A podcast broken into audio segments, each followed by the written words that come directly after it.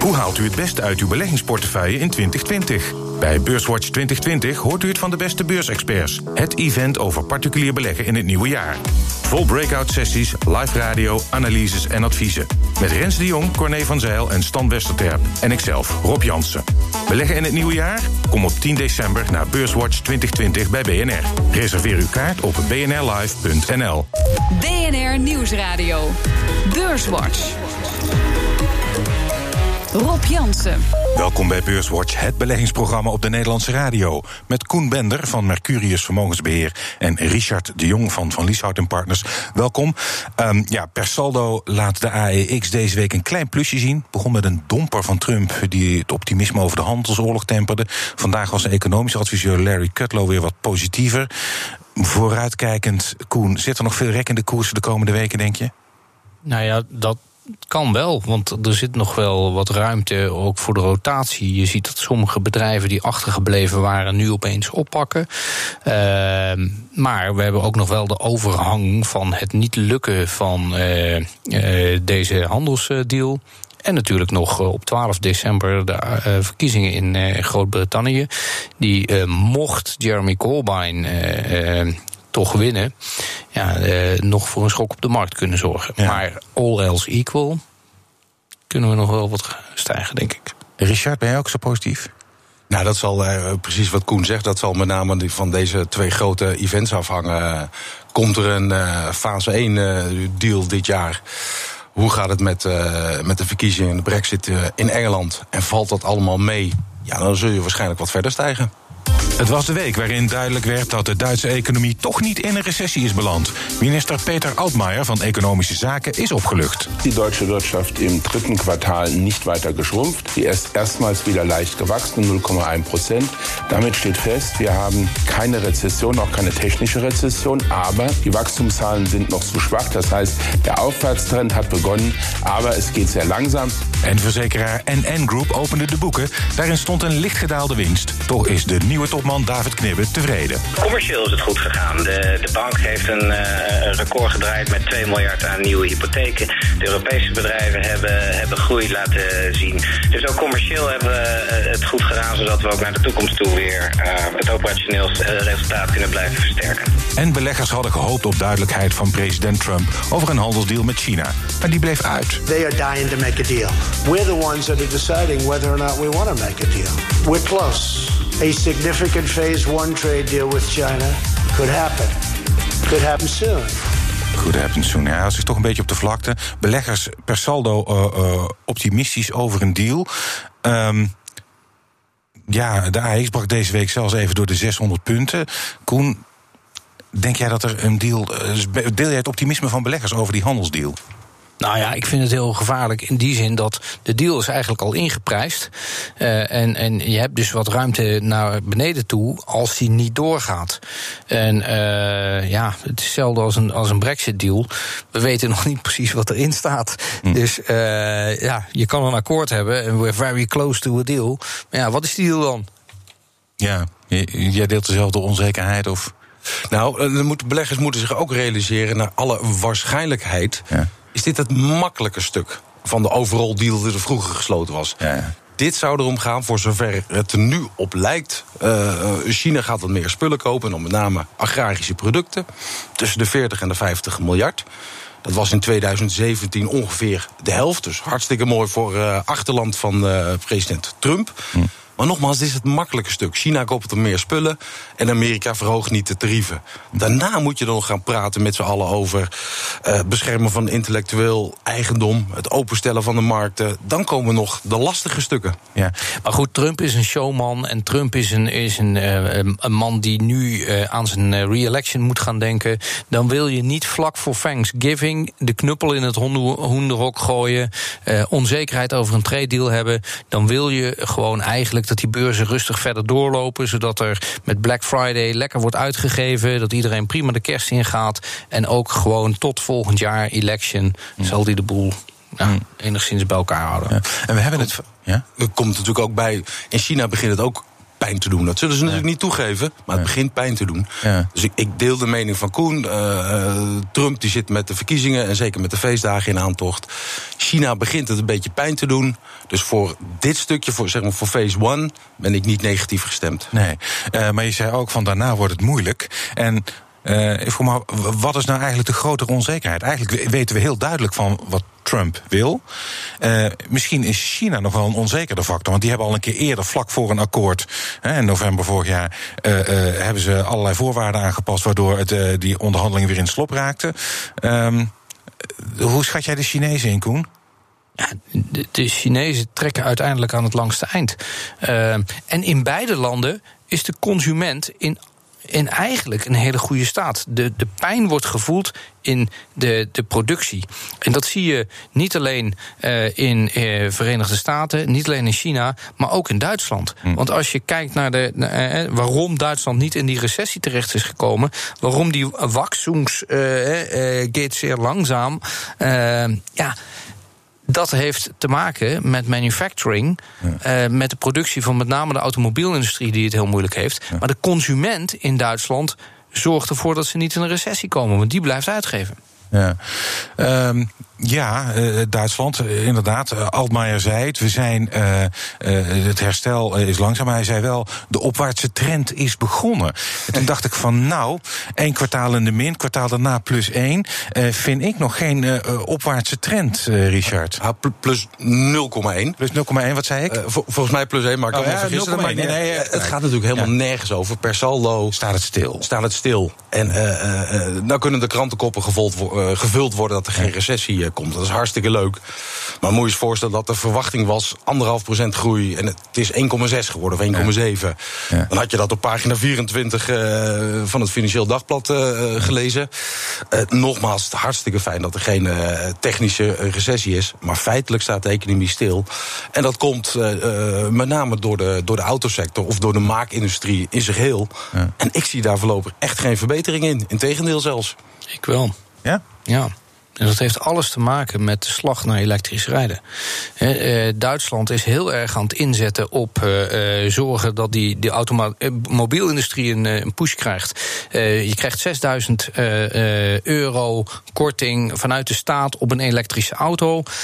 de hele power grid eromheen moet worden aangelegd. Volkswagen gaat 19 miljard investeren in groene fabrieken. Dus de winst van Volkswagen, de winst van Daimler, die zal voorlopig afgevlakt zijn. Maar die bedrijven hebben een afgevlakte winst. Ook omdat ze gigantisch moeten investeren in nieuwe fabrieken, in alles wat daaromheen, in de hele nieuwe infrastructuur. Dus de, de ondernemingen in Duitsland, daarvan zie ik een afvlakkende winstgroei omdat ze heel erg moeten investeren. Maar dat is heel erg goed voor allerlei andere uh, ondernemingen in Duitsland zelf. die willen leven aan de automobielindustrie. Want er moeten nieuwe fabrieken gebouwd worden. En tegelijkertijd met de lage rente zie je ook de huizenmarkt in Duitsland best wel oké okay nog.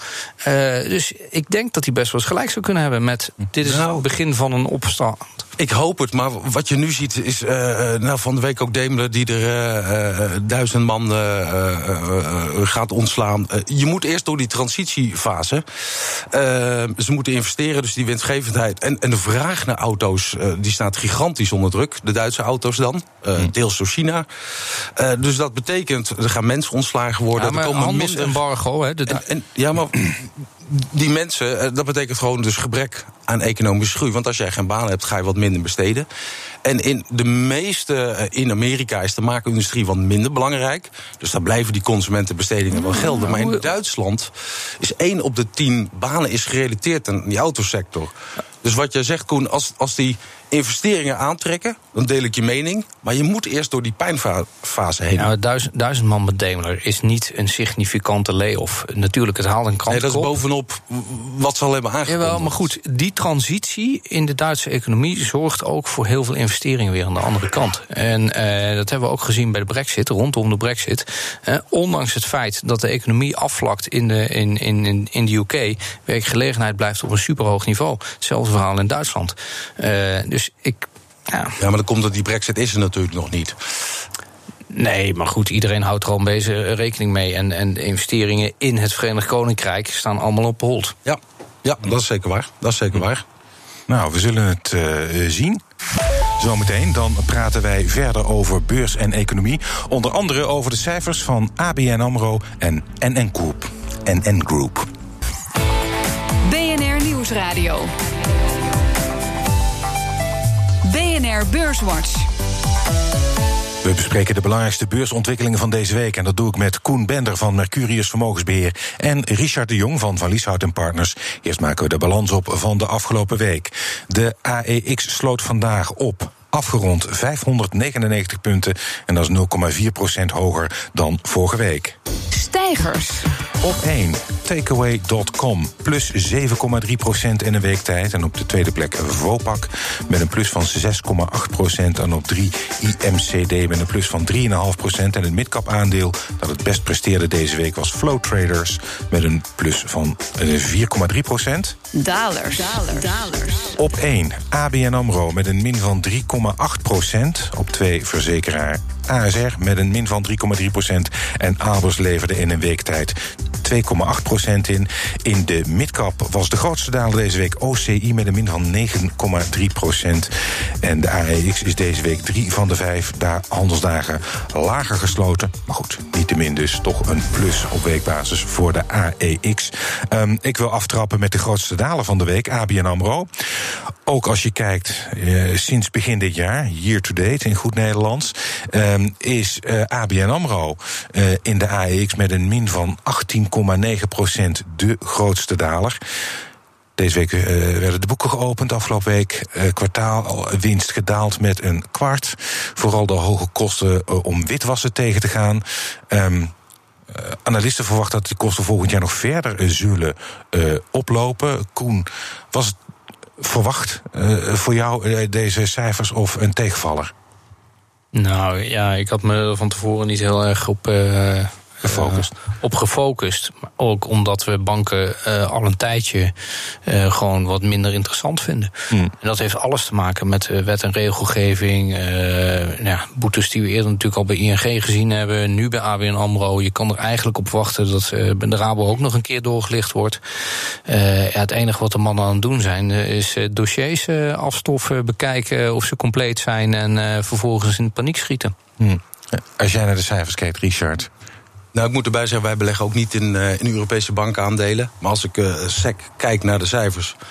Uh, nou, als ik positief mag beginnen. De, de rentebaten vielen mij mee. Die mhm. bleven grosso modo gelijk.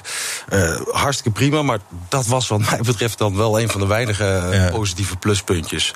Als ik gewoon kijk naar de omzet, volgens mij min 9 procent. Ja. Omdat beleggingsinkomsten daalden, commissies daalden. Dus en je omzet daalde en de kosten namen ook nog eens een keer toe naar volgens mij 1,2 miljard. Waardoor per saldo de netto winst met 20, 24 procent daalde. Ja, dat kun je natuurlijk niet goed nemen. Nee. Precies wat er net gezegd wordt. Uh, als dan de vooruitzichten nog eens een keer zouden zijn... nou, dit was het ergste en het zal beter worden... dan zeg je nou vooruit. Dan kan dit een mooi instapniveau zijn. Maar mm. ook wij voorzien, de kosten zullen alleen maar toenemen. Toezichtkosten nemen toe. Ik vond het zeer opmerkelijk dat, dat Dijkhuizen zei van... gewoon nee, wij gaan geen negatieve rente rekenen. Mm. Want dat betekent dat hun rentemarge eigenlijk afbrokkelt going forward. Ja, uh, die wordt slechter. En, en juist daaruit moet uh, de winst komen... waarvan ze weer de helft uitkeren als dividend. Dus je mag er ook donder op zeggen dat dat dividend dan onder druk komt te staan. Ja, en dan zit je op de glijbaan bij ABN AMRO. Ja. Um is, hè, jij bent niet uh, geporteerd van uh, bankaandelen. Jij doet ook geen Europese bankaandelen. Amerikaans, maar geen Europees. Ja. Um, hoe zien jullie de toekomst van de Europese grootbanken nu bijvoorbeeld bedrijven als Apple en Google, ook deze week, zich op dat betalingsverkeer uh, gaan richten? Koen, is dat, is dat misschien een grotere bedreiging dan fintech-bedrijven? Of nou ja, ze hebben, ik, ik denk dat. Uh, ja, dat weet ik niet precies. Dat ligt ook weer per fintech-bedrijf anders. Hmm. Ik denk dat uh, Google en Apple, vooral in de westerse wereld. Uh, er zijn hele andere. De grote groei zit in Azië natuurlijk. Hmm. want met name de, de, de Generation X of Z. Hmm. ja, die komt nooit een bank binnen en die gaat alles via de telefoon doen. En, en, en die wonen voornamelijk in Azië. Dus ja. Richard, kijk jij er ook zo naar? Uh, het, het, hangt er een beetje af welke kant uh, bijvoorbeeld de Apple uh, opgaat. op dit moment neemt het gebruik, als ik dan in Amerika kijk, van Apple Pay echt gigantisch toe. Het is hartstikke makkelijk. Je houdt je telefoontje voor een betaalautomaat en het gaat, of voor een kassa en het gaat, gaat eraf. Uh, dus als zij blijven uh, samenwerken met banken, uh, en dat hebben ze wel aangegeven, mm. waarschijnlijk vanwege de toezichthouder, ja. maar dat is mijn inschatting, uh, kan het positief nieuws zijn. voor Apple is het ook positief nieuws, want ze verdienen daar bijzonder veel op. Ja. Maar mocht een Apple of een Google besluiten, uh, uh, nou, we gaan ook zelf een betaalrekening openen. Hm. Uh, en je kunt gewoon met je mobieltje betalen, alleen heb je geen pasje meer van ABN of ING, maar van, van Apple. Hm. Ja, waarom heb je dan een bankrekening nodig? Hm. En dat heeft weer gevolgen natuurlijk voor de fundingkosten van banken. Uh, interessante ontwikkeling. Uh, jij zei net Azië, daar is Google Pay bijvoorbeeld ook. Uh, heeft, heeft geloof ik al bijna 70 miljoen klanten daar. Dus in Azië gaat het inderdaad wel heel hard. En alles van WeChat, als ik me niet vergis, ja, van, van Tencent. Ja. Echt, Ant Financial. Ja.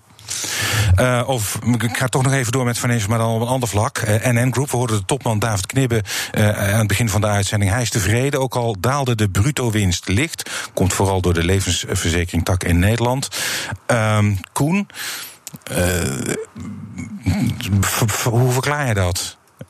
Als je kijkt, hè, ja, ik moet zeggen, de, de, de koersreactie was ja, gematigd. Maar wat vond je van die cijfers? Nou ja, de cijfers waren op zich wel, wel boven verwachting, maar vooral dan uit uh, de schadetak. De leventak viel wat, viel wat tegen, terwijl dat over het algemeen een wat beter voorspelbare uh, bron, een tak van het bedrijf zou, uh, zou moeten zijn. bij schade kan je nog wel eens opeens tegenvallers hebben. en ook twijfels over Vivat, die, die overname, ze zeggen dat ze dat bijna afgerond hebben. Kostenbesparingen liggen ze mee op schema. Maar doordat die rente wat verder gedaan is, zal er misschien toch nog wat bijgestort moeten worden mm. door de verkopende partij. En de vraag is of dat een heel, eh, heel makkelijk gesprek wordt. Mm. Dus... Oké, okay, Richard. NN Group degelijk, als ik het in één woord uh, mag samenvatten. En precies wat uh, Koen zegt, uh, leven viel eigenlijk tegen. Ja. Terwijl dat normaal gesproken de stabiele ja. tak van sport is. Ja. De rest viel, de rest van de wereld, de rest van de business viel, viel mee. Waardoor per saldo de operationele winsten volgens mij 10 miljoen daalden. Ja. Maar er was wat, uh, wat erger verwacht. Dus uh, op de beurs uh, ontvingen we het positief. Of niet negatief, is een betere omschrijving. Oké, okay, ik wil nog even hebben, uh, tot slot, over Shell en Eneco. Eneco wordt verkocht, um, dat zit in de eindfase. Shell is uh, een van de kanshebbers. Koen, um, Shell kennen we als bedrijf met een mooi dividendbeleid. Um, uh, niet zo'n groen imago. Uh, Eneco wel. Vind jij dit een goede overname als dit zou gaan lukken? Nou ja, Shell is zich aan het transformeren. Daar zijn ze al een hele lange tijd mee bezig. De aankoop van BG hoorde daarbij. En nu een, een overname. Kijk, het blijft een energiebedrijf. En in die hele wereld zijn ze nu aan het bewegen richting. Nou ja, ook gewoon normale energie. En zoals Van Beurten al heel lang geleden gezegd heeft, tien jaar geleden, uh, werd er door Shell gezegd. We kunnen voorlopig niet af van fossiele brandstoffen. Maar we zijn bezig om ons voor te bereiden op de transformatie. En dat is ook, uh, zeker in deze week, waar we het natuurlijk veel over Saudi Aramco hebben gehad, exact de reden waarom je ja, Shell laat zien dat ze meer verdienen dan alleen de benefit of the doubt. Ze zijn er ook echt mee bezig. Ze hmm. hebben een hele lange weg gemaakt van de Brent Spar, die ze wilden laten afzinken, naar nu wat ze aan het doen zijn op het gebied van renewable energy. Hmm. Maar uh, blijven dan uh, de marges uh, van Shell op peil, Richard? Want. Nou, niet als ze het, uh, als ze het onveranderd zouden uh, laten. Uh, de marges van Eneco liggen ongeveer rond de 5%. Shell streeft het dubbele na of ietsje meer... om ook het historische dividendbeleid wat ze hebben intact te houden. dus er zal wat, wellicht wat moeten gebeuren. Maar in alle eerlijkheid, op, de, op het grote geheel... is Eneco natuurlijk maar een klein onderdeel van mm. Shell... En het levert tot hele ja, positieve eh, imago-building voor Shell. Maar SEC, de marges van Eneco liggen ongeveer op de helft van wat Shell nastreeft. We zijn alweer aan het einde van de uitzending. Dat betekent dat jullie een tip mogen geven voor de luisteraar. Koen, wat is jouw tip? Mijn tip is het eh, Britse retailbedrijf eh, B&M. in 2014 naar de beurs gegaan. Je zou kunnen zeggen dat het een soort van de action van, van Groot-Brittannië is. Enorme groei doorgemaakt van 20 winkels in 2008 naar 600 nu. hele mooie winstmarges die, ze, die ze hebben. Mooie groeicijfers. en dat voor een retailbedrijf. ja, ik denk dat dat zeker als straks er meer duidelijkheid en wat meer consumenten consumentenvertrouwen ook in Groot-Brittannië weer terugkomt, een uh, nou, nog een mooie toekomst uh, verder is. En okay. we hebben dat uh, via het Comgest Smaller Company Fund. Oké, okay. BNM. Ik zal de ISIN-code op de website zetten. Richard, wat is jouw tip? Um, nou, meestal heb ik als, als tip een individuele aandeel. Ja. Dit keer wilde ik een, een trekker voorstellen. Ja. Wij geloven heel erg in de ontwikkeling van de gezondheidszorg. Bevolking wordt ouder, eh, wordt ook vermogender, dus zal meer uitgeven aan de gezondheidszorg. Zowel in de ziekenhuizen als dat mensen langer thuis willen blijven wonen en ook daar een gezondheidszorg moeten besteden. Um, wij hebben in onze portefeuille de iShares US Medical Devices. Dat zijn Amerikaanse bedrijven die zich houden, bezighouden met medische apparatuur. Dus niet de pillenboeren, maar echt medische apparatuur. En daar zitten grote ondernemingen in als uh, Medtronic en Abbott. Trekker bestaat al heel lang afgelopen 10 jaar 18% rendement in dollars. Uh, doet het hartstikke mooi en een mooie termijn, uh, lange termijn uh, blik naar voren. Ook daarvan zal ik de ISIN-code ja. op de website zetten. Hartelijk dank, Richard de Jong van Van Lieshout en Partners... en Koen Bender van Mercurius Vermogensbeheer. Dit was Beurswatch. Als u wilt reageren, dan kunt u een mail sturen naar beurswatch.bnr.nl... of tweeten naar Rob Terugluisteren kan via de site, de app, iTunes of Spotify. En graag tot volgende week.